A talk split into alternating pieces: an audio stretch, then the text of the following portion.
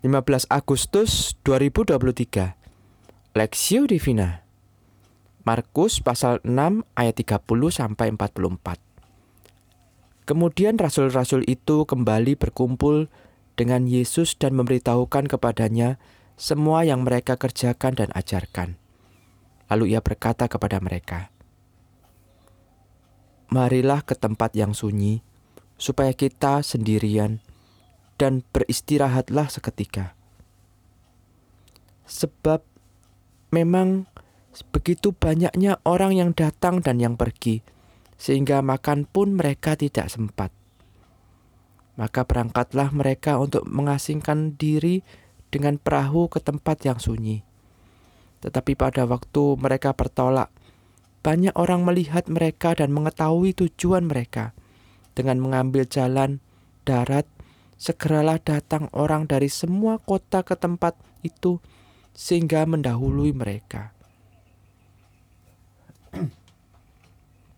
Ketika Yesus mendarat, ia melihat sejumlah besar orang banyak. Maka tergeraklah hatinya oleh belas kasihan kepada mereka.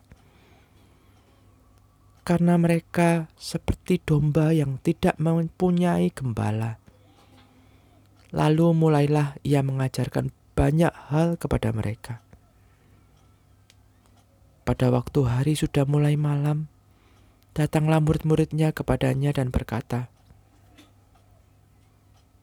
"Tempat ini sunyi dan hari sudah mulai malam. Suruhlah mereka pergi, supaya mereka dapat membeli makanan di desa-desa dan di kampung-kampung di sekitar ini." Tetapi jawabnya, "Kamu harus memberi mereka makan." Kata mereka kepadanya, "Jadi, haruskah kami membeli roti seharga 200 dinar untuk memberi mereka makan?" Tetapi ia berkata kepada mereka, berapa banyak roti yang ada padamu. Cobalah periksa. Sesudah memeriksanya, mereka berkata, lima roti dan dua ikan. Lalu ia menyuruh orang-orang itu supaya semua duduk berkelompok-kelompok di atas rumput hijau. Maka duduklah mereka berkelompok-kelompok. Ada yang seratus, ada yang lima puluh orang. Dan setelah ia mengambil lima roti dan dua ikan itu, ia mengadakan ke langit dan mengucap berkat. Lalu memecah-mecahkan roti itu dan memberikannya kepada murid-muridnya, supaya dibagi-bagikan kepada orang-orang itu.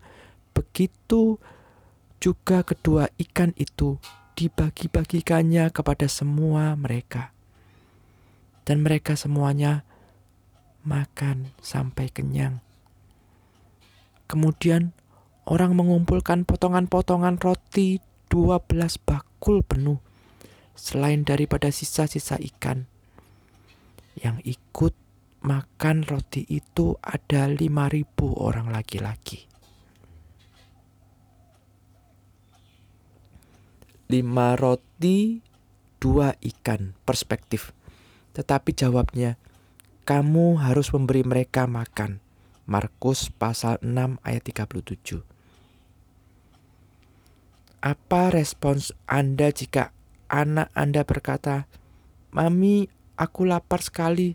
Maukah Mami membuatkanku makanan? Tentu Anda akan segera membuatkan makanan baginya. Jika Anda ditanya, mengapa Anda mau melakukannya? Mungkin Anda menjawab, dia adalah anak saya yang sedang lapar.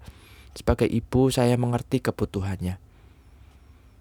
Terlebih lagi Yesus Kristus Sang Gembala Agung.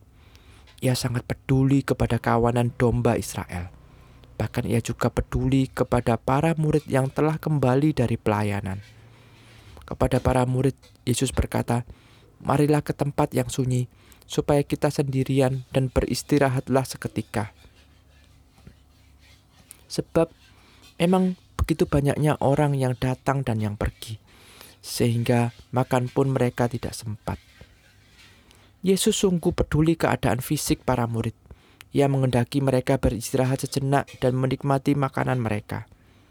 Di sisi lain, banyak orang rindu mendengar pengajaran Yesus, sehingga mereka mengikutinya. Yesus tidak menolak mereka. Bahkan ketika Yesus melihat mereka, tergeraklah hatinya oleh belas kasihan kepada mereka karena mereka seperti domba yang tidak mempunyai gembala. Lalu mulailah ia mengajarkan banyak hal kepada mereka. Ketika hari mulai malam dan tempat itu sunyi, maka datanglah para murid kepada Yesus dan meminta agar ia menyuruh orang banyak itu kembali ke asalnya. Mendengarkan permintaan para murid, Yesus, Yesus justru menjawabnya, "Kamu harus memberi mereka makan." Jawaban ini sontak membuat para murid bingung. Namun Yesus tahu apa yang dilakukannya. Maka dengan lima roti dan dua ikan, 5000 orang lebih makan sampai kenyang dan sisa 12 bakul roti, selain sisa-sisa dari ikan. Kisah ini tidak hanya menunjukkan bahwa Yesus berkuasa, tetapi juga memberi keteladanan yaitu suatu perhatian. Yesus memperhati, memperhatikan para murid yang lelah.